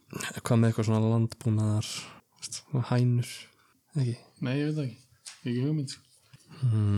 Mér, mér, ég, held að, ég held að svona bara venjulega hænan sé ég hef ekki heyrt þetta sko ég bara, já, þú mátt skjóta það vilt sko ég, þú veist, ég kem mér óvart en þú bara, þú veist, ég veit ekki svarið þannig að þú mátt endilega skjóta það sko. Já, mér, mér, mér svona finnst eins og að sé það sko að svona Já, ég, ég veit ekki, hann, þú veist, hann, ég ætla að gefa mér að hann sé að spyrja í heiminum. Já, hann er að því sko Já, já. Þannig að þú mátt bara taka þetta sko Ég hef ekki bara, mér langar bara að segja bara hæna, sko. Eða, þú veist, heitir þetta ekki bara hæna? Þetta er ekki marga tegandi sko en bara ba basic hæna. Lókur svar Alífugl. Nei, ég veit ekki, ég kann ekki að það tegandi með, já, hæna. Já, þetta er rétt Þetta er, það er bara, ég, það vantar hann upp á spurninguna en þess að spyrja um þá fugglategund sem eru til flestir fugglar af í heiminum og þetta er náttúrulega bara ænaða Gallus, kjúklingur gallus Ha. Gallus, gallus Þetta eru, þetta er, me, þetta er meti yfir sko 22 miljardar þannig að þetta er alveg sjúklega mikið af kjúlingum Það er bara að tala um alla á búum og allt Já, Já, bara í heiminum Gallus, gallus. Þarna náðu þið smá fórustu aftur uh, staðan er orðin 80-68 fyrir Stefán og Kristjáni þegar við endum bjöldspurningarnar Þá er komið að þrautabrautinni hún samastendur af fjórum mismöndu spurningum en hver þeirra getur gefið alltaf 8 stig þannig að það er hægt að fá samtals 32 stig í þrautabrautinni Eitt lið fyrir gegnum brautina hverju sinni og hitt liði býður á meðan Já, uh, ég ætla þá að leifa ykkur að byrja Stefán og Kristján, hvort maður bjóði ykkur spurningabakka A eða spurningabakka B Við erum A-típur. Þið eru A-típur Það er gott að ég er bjötíku. Þetta er bara A-típunar versus B-típunar Við förum þá í fyrsta liðin sem er raðið fjórum Nú verða talin upp fjögur mannvirki Raðið þeim í röð eftir hæð og byrjið á því hæsta Hvert rétt svar gefur tvö stig En mannvirkin eru Frelsistittan Kristór Redentor í Rio de Janeiro Effelturnin og Hallgrímskirkja Um, ég er nokkuð sem að, já, F-feltunum er starinn Frelsis og Hallgríms. En- Sammála. En Redentor. hann er drullu hátt sko, hann er upp á hæð sko Já, Þannig að þú veist, ef- bara að vera að tala um mannverki sjálft ekki, já, ekki, Já, þú veist, hæð frá örugglega. sjö Já, já, ok Já, hann er nörglega ekki tekið með sko, hann er, en hann er svo fucking ár en er hann, er hann herren F-feldirinn, ég ég ef á það einhvern veginn Já, hann er það ekki heldur sko, Nei, já, það getur ok. ekki verið sko. þá hendur við, já hérna bara æfæla efst næst er það þá Heldur að frelsist þetta hann gæti verið lúm sko gæti verið lúmsk sko um, en málið er bara að ég veit ekkert um hann að Redentor sko, eða þú veist um, svona skalan á hann ég sé það ekki alveg fyrir mér sko. Mm. nei, ég veit En ef þú ekki segja hann sinni neðan Hallgrímskirkja eða? Hvað er Hallgrímskirkja aftur? hann er starri Hallgrímskirkja, ég held að Hallgrímskirkja er neðst í okkur sko, Neðist, já, ég held að Neð, neðan er frelsist þetta líka Já, nei ekki Varla er þeir með eitthvað Statue of Liberty sem er bara þú veist, 74 metrar sko Nei, kannski ekki Ég veit, maður það er erfitt að fá svona maður sér hann aldrei, eða þú veist, up close sko beint sko Já En svona af, ég veit ekki, svona úr bíómyndum og eitthvað svona þá finnst mér eins og Redentor er fokki stór þannig Já, þá skulum við setja hann nummer tvö Redentor og svo, já, þú veist, ég myndi persónlega segja frelsist þitt að veri næstnæðst eða næst, já, næstnæðst minna Já, segjum það bara Ok Það ekki, erum við ekki annars? Jú, Herru, ok Svo það frá hæsta til lægsta uh, við viljum segja FL-tunnin svo er Redentor, Frelsistita og Hallgrífskirkja Eh, Þið getið fengið 8 stig í þessum lið fyrir fáið 2 Fuck Þetta er sem sagt, FN-turnin er hæstur 330 metrar, svo kemur frelsistittan 93 metrar, svo kemur Hallgrímskirkja 74,5 og Kristóri Redemptor er ekki nema 38 metrar. Herru, ok, tvö stík Það er eitthvað Tvö stegi í potinn, við förum þá í nefnið fjóra. Af tíu tekjuhæstu kvikmyndum allra tíma er elsta myndin frá árinu 1997 og svo yngsta frá 2021. Nefnið allavega fjórar þeirra, en hvert rétt svar gefur tvö stig. uh, Ok, allavega fjóra þeirra uh, Ok, Avatar, svo örgla hennar þú veist, Endgame eða eitthvað Ég nokkar að segja bara, þú veist ég veit það ekki, Titanic eða Infinity War Hvernig kom Titanic? Kom hann ekki fyrir 97? sem Infinity War líka En hvernig kom Titanic út? uh, Var það ekki 97? Var það 97? Ég held að Það er þá þessi mögulega fyrsta sem hann er að tala um. Já, ég, ég er allan alveg ég, ég, ég, ég er alveg 100% avatar Já. Ti- Titanic Ég veit það ekki. Er hún, þú veist, er hún, hún var stór á þeim tíma, skilur, Já. hún var ekki bara kvöld, skilur. Ég er líka að segja eitthvað svona hana, hana James Cameron Þú veist, alla myndin er hans vera fucking tekið þetta sko Hvernig kom Sindlerslist? Það var fyrir 97 Það var fyrir 97 Hvo- Var ekki Top Gun nýja? Hún fór Fór hún ofalega? Hún fór all in Jú, þú veist, það er samtalið svona típisk myndi að grósa eitthvað rosa mikið, sko. Já, en kom hún ekki 22? hann kom í ár Er það? já, Já, ok. herru, já, ég ekki bara að segja þetta sko Jú, bara fínt sko. herru, Avatar, Endgame Infinity War, Titanic Þið getið fengið 8 stygg og fyrir fáið 8 Þetta er allt rétt Ég gert maður yes. Listin er sem sagt top 10 er Avatar Svo kemur Avengers Endgame, Titanic, Star Wars The Force Awakens Avengers Infinity War, Spider-Man No Way Home Jurassic World, Lion King, Avengers og Furious 7 en, en, en voru þetta í réttir röðu sem sagt Já, Þannig að þú varst með fjórar af Það voru fyrstu sex, eða ekki? já, ok, þá förum við í 50-50 spurningarnar Þær eru fjórar og hvert rétt svar gefur 2 stygg Fyrst spurning, hvort eru fleiri baðherbyggi í Hvítahúsinu eða í Buckingham Höll? Buckingham hellu fucking stór Já, ekki segja það bara jú, Buckingham Buckingham Höll, já, Það er rétt. Þau eru 78 en þau eru bara 35 í kvítahúsinu. Sýtt maður bara að leita sér bara það sko. Förum þá í aðra 50-50 spurningu. Wolverine er einn X-mannana eða X-menn úr teiknumynda sögu heimi Marvel. Úr núum eða handarbaki hans liggja nokkur flugbeitt eggblöð eða sverð. Eru þau þrjú eða fjögur? þrjú Þú veist úr hverri hendi þrjú, þrjú úr hverri hendi ég er 100% að því á hverju hendi Þannig að þetta segja þrjú. Já, já, já, þrjú blöð úr, úr hverju hendi Það er rétt. Það fyrir við í þriðju 50-50 spurningu. Hvor tíunda áratugs kvikmyndarsmellurinn kom út á undan? Ten Things I Hate About You eða Clueless? Ekki hugmynd Ég er klúlega sko Hann klúles Þá segjum við klúles Klúles Clueless. Já Það er líka bara rétt. Clueless kom út 95 og Ten Things I Hate About You kom út 99. Uh, þá var það síðasta 50-50 spurningin hvort eru fleiri lið sem keppa í bandarísku NFL-dildinni eða í efstu knattspinnudild Danmerkur og Íslands samanlagt N NFL Eh, Ég ætla að segja að þetta sé hérna Þetta er íslenska og danska dýðin samanlegt Nei, því miður, það er ekki rétt uh, NFL-liðin eru samtals 32 lið og íslensk og danska eru bæði 12 lið þannig að það eru 24 Sorry maður En þið fenguð þarna 6 af 8 stíðum möglu Þá förum við í textabókina sem er síðasti liðin í ykkar þrautabrödd Þetta er ennsku texti sem hefur verið settur í gegnum Google Translate fjögur stig fyrir flýtjanda og fjögur stig fyrir nafnlags Hefst þá lestur Ég verð að taka smá tíma, smá tími til að hugsa málin. Best að lesa á milli línana. Ef ég þarf á því að halda þegar ég verð eldri. Þetta fjall verð ég að klífa.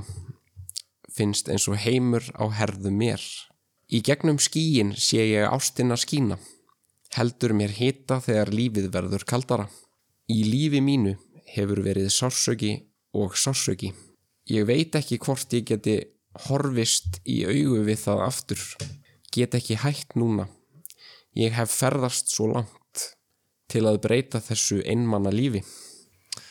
I've gone too far Nei uh, um, Náður ykkur að þessi Var þetta ringing any bells? Já, en ekki nógu mikið samt Ok, ég, ég vona að Þannig að þetta sé annað hver þessar flýtjum sko Það er Marvin Gaye og Leonard Ritchie Ég Hva- Hvað hérna, hvað bendir á eða, Hvað fannst þið benda á man það ekki, ég man ekki textan lengur My life there's been pain and pain Pain and pain Akkur Ha?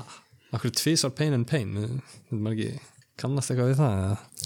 Þið verður líka muna sko að þetta er Google Translate það slátra textanum sko. Já, endur tekur orðin svona, já uh, Þetta þetta var lokalínan sko Já Til að breyta þessu einmanna lífi. To change this lonely life Ég las þetta bara með þú veist, þessu, á þessu tempó sko. mm. eða hlusta á þetta þannig sko. Mm. spila þetta í haustum á mér þannig sko. -hmm. Mhm. það getur verið að fokka öllu upp fyrir mér sko. Þú veist, við getum verið bara eitthvað Já, yeah. eins og þú varst að tala um Linkin Park eða ekki eitthvað Jó, gone too far, ég talaði með þetta síðan líka Gone too far. og þú og Jón hafi alltaf reynd að hafa þetta sama flýtjandan annarkvort þetta eða Bruce Springsteen eða Eða John Mellencamp. eða John Lennon. Jack and Diane. Það kemur alltaf. Það kemur alltaf. um, Jú, býtu, herri, Ok, ég held að þetta sé komin býtu, ok, ég er samt ekki klárað hérna þessi syngdu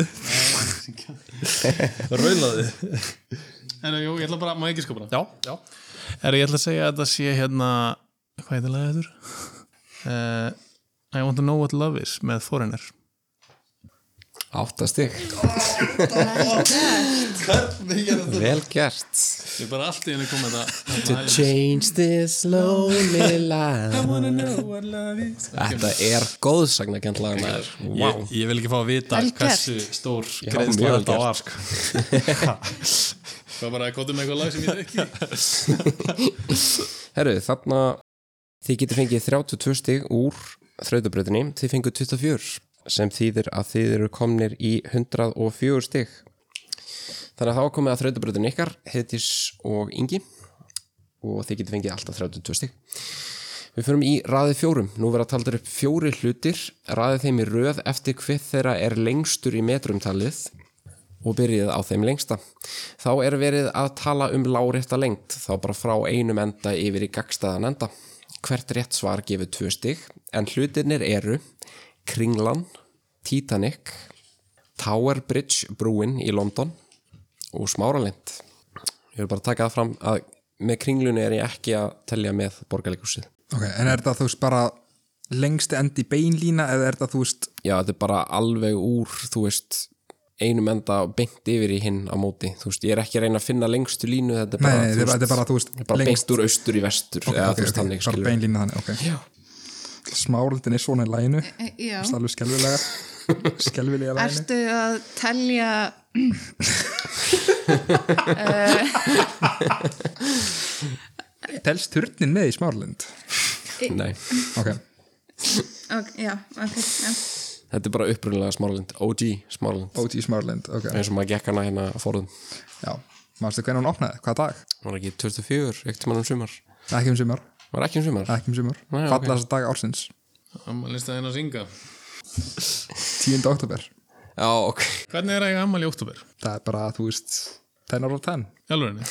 Já, 10, 10 bókstallega Þessi fyrir sögubækunar. Það er ég menna, þú veist Óttúber er, þú veist, fyrir einhver, okkur sem eigum ekki ammal í óttúber þá er óttúber ekki neitt, sko oktober er, þú veist, Er oktober ekki neitt? Fyrir okkur sem eigum ekki hvernig ammal er í þú óttúber amalið Ég er desemberbann ok, En oktober, það er skemmtilegast mánuður áfsins Halloween Já, Halló? Hall- Halloween, Já, það er reyndar haustlægðir. ógslag gott sjátt. Halloween er fokkin ásum. Það er bara Fyrsti best snjórinn. Það er Það er eitthvað við það að vera í einhverjum geggjum búninga á Halloween, í einhverju góðdjámi, það er geggjað, sko. að líka bara, hafið þið farið á eitthvað svona Halloween dæmi úti eða til dæmis Nei, jú, bandaríkjana eða þú veist í Danmörku það telst Það alveg er með. bara það skemmtilegast sem ég geri Ég til dæmis fór á Halloween Horror Nights í Universal skemmtilegast sem ég hef gert mm. Hmm. bara þetta er ekki fyrir The Week of Hearts sko Þú veist, en þetta er alveg mögnu upplifin sko. Já, spurning er samt, hvort er lengra smálunda í kringlan? Hvað heldur það að sé langt Sko- í metrum cirka? Ég vann í kringlu Ok, heilengi hvað eru mörg skref frá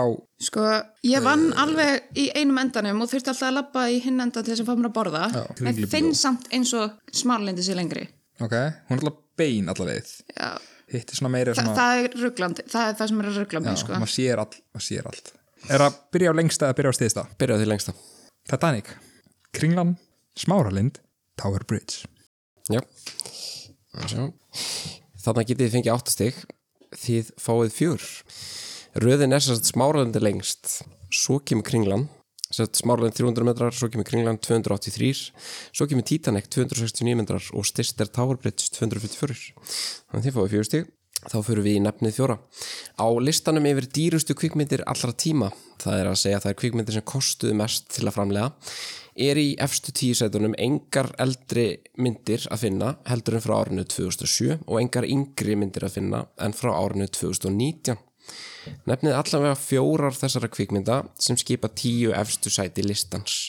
En hvert rétt svar gefur tvö stig? Fjórar ógeðsla dýrar myndir frá 2007 til 2019 Það hlýtur eitthvað marvel að vera þarna Avatar hlýtur að vera þarna Sama, Nei, þeir voru með dýrust aðsókn eða þú veist, Grós, já, grós hæst grósing grósing. En þetta er, dýrustu, Dýrustu. í gerð Fyrst í framlýslu, já. það hlýtur að vera Avatar, hún var dýrust á sínum tíma held ég, og líka highest grossing á sínum tíma endgame var, en, en mjög, hvernig kom hún, mikið það var fyrir 2019 eða ekki, hún hlýtur að kosta Já, það er svo hún mikið kostar- af stórum leikurum hvað það eru, eitthvað efstu tíu, já, Já, fjórar bara- af þessu tíu fjóra efstu, Einhverjar fjórar á efstu tíu. ég held að þessar tvær séu alveg solid gísk frá 2007. ég er hræðileg með bíómyndi bæði ég sé svona fjóra bíómyndir Ég held að sé, þú veist, ok, við erum komið tvær Í- Hvaða önnur Voru- Marvel mynd myndur halda að gæti verið? Bitu, bitu, bitu, bitu, bitu. Hvenær kom aftur senasta, senasta Harry Potter kom 2010? Jú, eitthvað kringu það Er það ekki Deathly Hallows? Ef við segja hana, Já. ok Nefis er nefir, pípermyndin Ég er að segja að það þarf að taka ynga og gera svona clockwork orange svona halda augunum á klokkmynd og horfa á kvipmyndir Látum að horfa á myndir Já, Það skildir þetta reference ég hef séð, ég hef séð, þetta er eina fjórum Já, Helge, en allar að það þarf að gera þetta við þig, greinilega sko. Ég hef séð Clockwork Orange, ég hef séð Nevis er nefir Ég hef séð þarna Miley Cyrus myndina Ég hef séð Titanic Ég hef séð hana ógeðslega oft Oftar en þú er að viðkjanna Ég, á hverjum degi þegar ég kom heim úr leikskóla svona fjögur all átt ára þá kom ég heim og sett hann í tækið á spólu Varst í leikskóla til aftar aldur Nei Ég, byr, ég byrja að horfa hann leikskóla þegar hann kom út og þú veist, bara sett hann í gang En Hvaða, hvaða önnu mynd getur þetta verið? Við erum komið með þrjár Já, ég er búin að, sko, það sem ég er búin að hugsa er eitthvað af þessum live action Disney myndir sem er búin að koma, hvort að það sé dýrst eða ekki, Það gæti alveg, þú veist, Lion King síðan- Nei, það kom út setna eða ekki síðan eitthvað öllum sem Segjum þessar þrjár Avatar, Endgame og... Avengers Endgame Harry Potter, Stanley Hallows Part 2 og En hvað með allar þessar gamemyndir? Gravity Já, Interstellar. Interstellar, já, það hlýtur að vera dýrt Segjum bara Interstellar. Ok, Interstellar, komið fjórar Ok, þið ætla sem sagt að segja Avatar, Avengers Endgame Harry Potter, Deathly Hallows 2 og Interstellar. Ég geti fengið 8 stig þið fáið 2 Þetta er sem sagt myndirnar eru Pirates of the Caribbean on Stranger Tides Auðvitað. Avengers Age of Ultron Avengers Endgame, Avengers Infinity War Pirates of the Caribbean at World's End Shit Justice League, Solo að Star Wars Story Star Wars The Rise of Skywalker John Carter og svo Batman vs. Superman Dawn of Justice Þannig að það voru live action Disney sem að var Ég- rétt hjá ég mér vil og ekki. Star Wars sem var rétt hjá mér. Já, ég vil eitt séð eina af þessum myndum Já, við förum þá í 50-50 spurningarnar þær eru fjórar og tvö rétt steg fyrir hvað svar Fyrsta 50-50 spurning Hvort segir Dolly Parton oftar Jolene í læginu Jolene eða segir George Harrison oftar orðið Lord í læginu My Sweet Lord Jolene. Lín, já Jolín Já, Jolene. Lóksar? Já. Nei Það er lordin maður, Georgie Boy Ó, svo gott lag, sorry, ég fór bara að hugsa Þetta er sem sagt, George Harrison segir það 41 sinni, Lord, en Jolene er sagt 31 sinni af Dolly Parton. Við verðum það í aðra 50-50 spurningu. Hvort snýr ljónið í merki pusjóbifriða til hægri eða vinstri í vörumerki bílaframleðandans? Það snýr til hægri Er ég Þú verður að, sa- sko, Já. í Þú bílprófinu veist, ef mínu þá sagði gæinn, já, taktu hérna og beigði til vinstri, fyrsta sem hann segi við mig og ég beigði til hægri. Það er bara, ég get ekki teikna þetta merki en þú veist, það er að öskra í já, þetta þú munnurinn bara go for it. Já, það er hægri Því miður, það er vinstri. Ja, við fyrir þá í þriði 50-50. Hvort eru fleiri lið sem keppa í NBA-deldinni eða í NASCAR?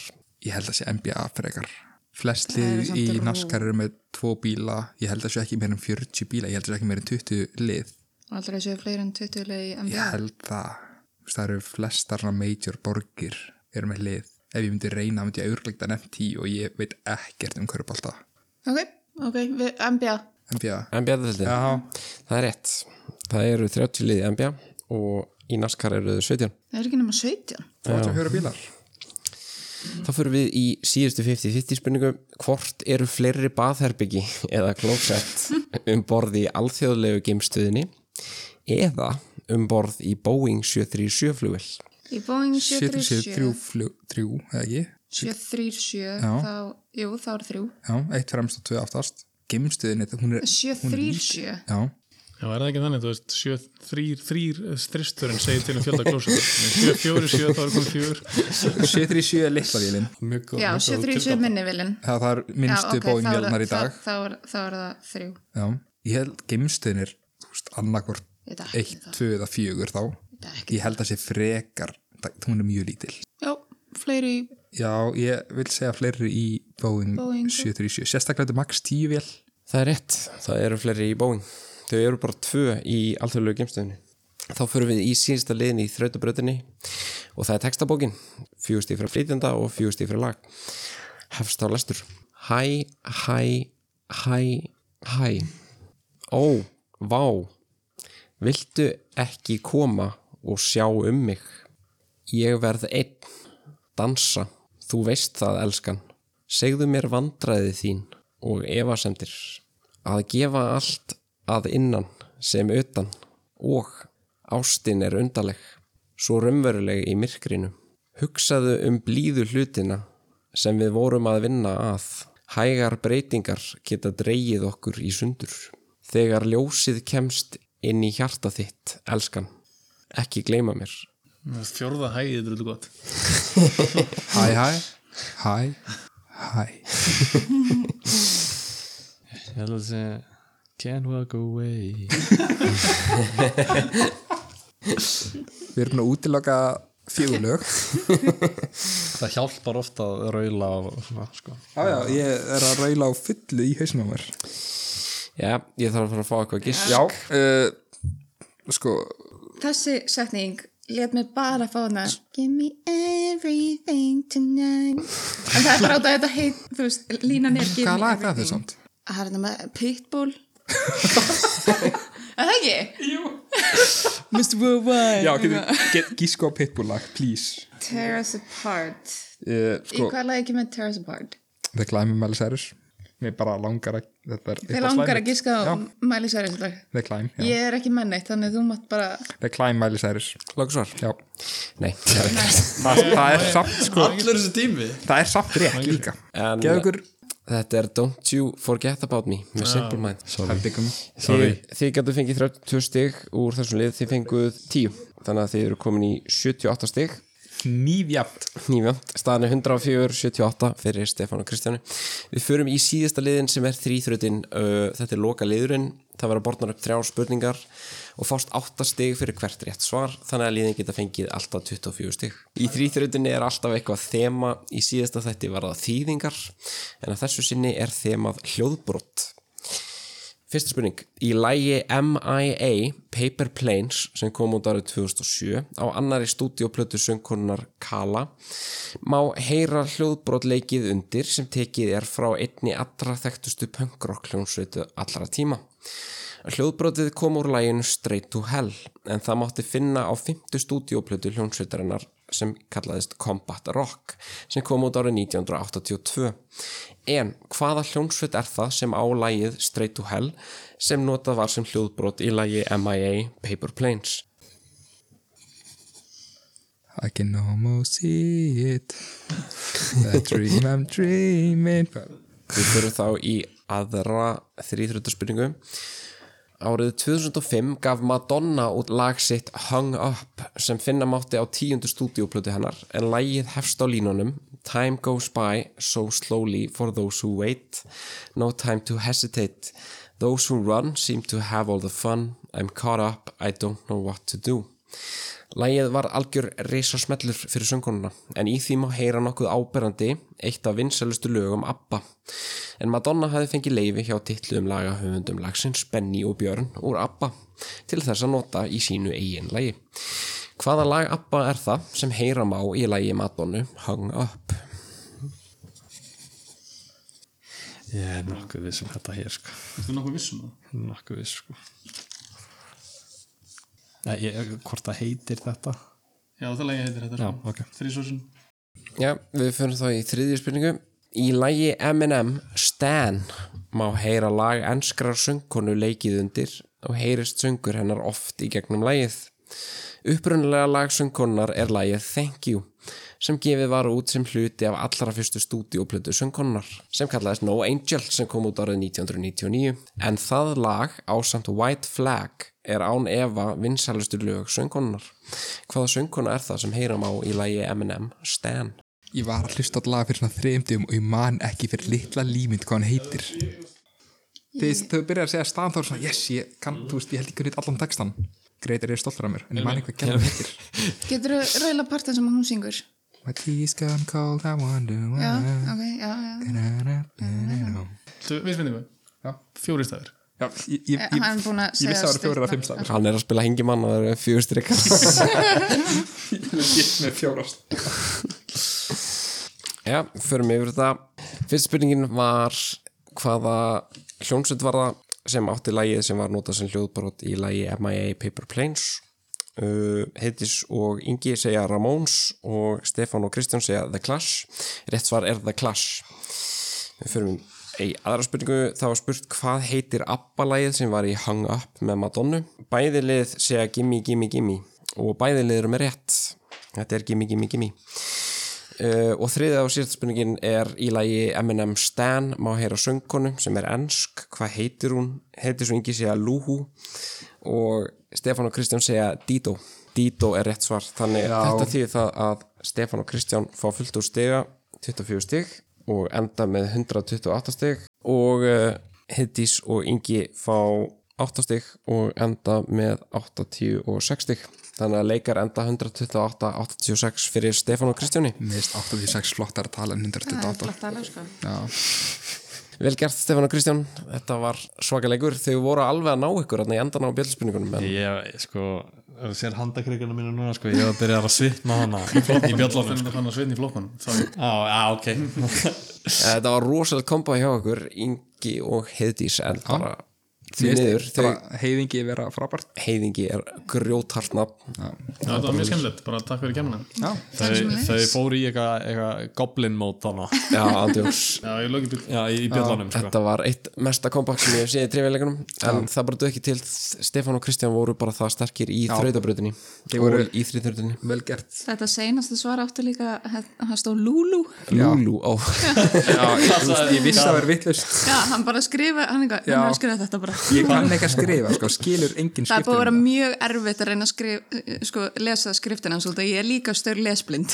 Ég er ekki auðveldur liðsfélag Þeir þekkja það báðir Ég hef unnið, já. og- ég hef unnið með honum og ég tap með þeim báðum Það gekk bara mjög vel lengur tíma hjá okkur Heiðingi er allavega grjótartlið og það væri gaman að sjá þetta lið ekkert tíma áttur Klárlega. Klálega uh, Annars bara þakka ég fyrir drengilega góða keppni Já, þetta Og- var bara, heiti, bara frábært Já. liðsfélagi, bara mjög skemmtilegt að- Bara takk fyrir Keppa- að fá mig og eins og alltaf, þetta takk var fyrir bara æði.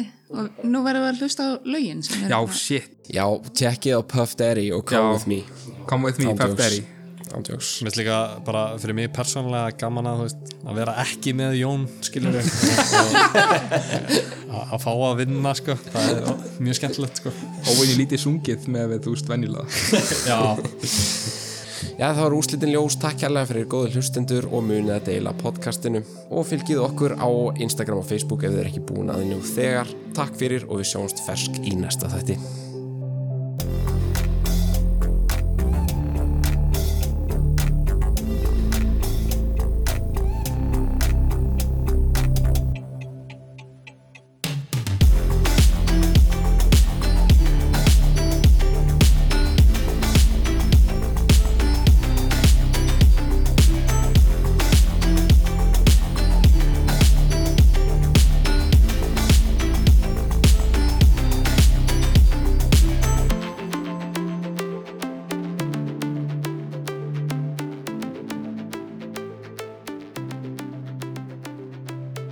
Ghana, Vietnam, Somalia Það er rétt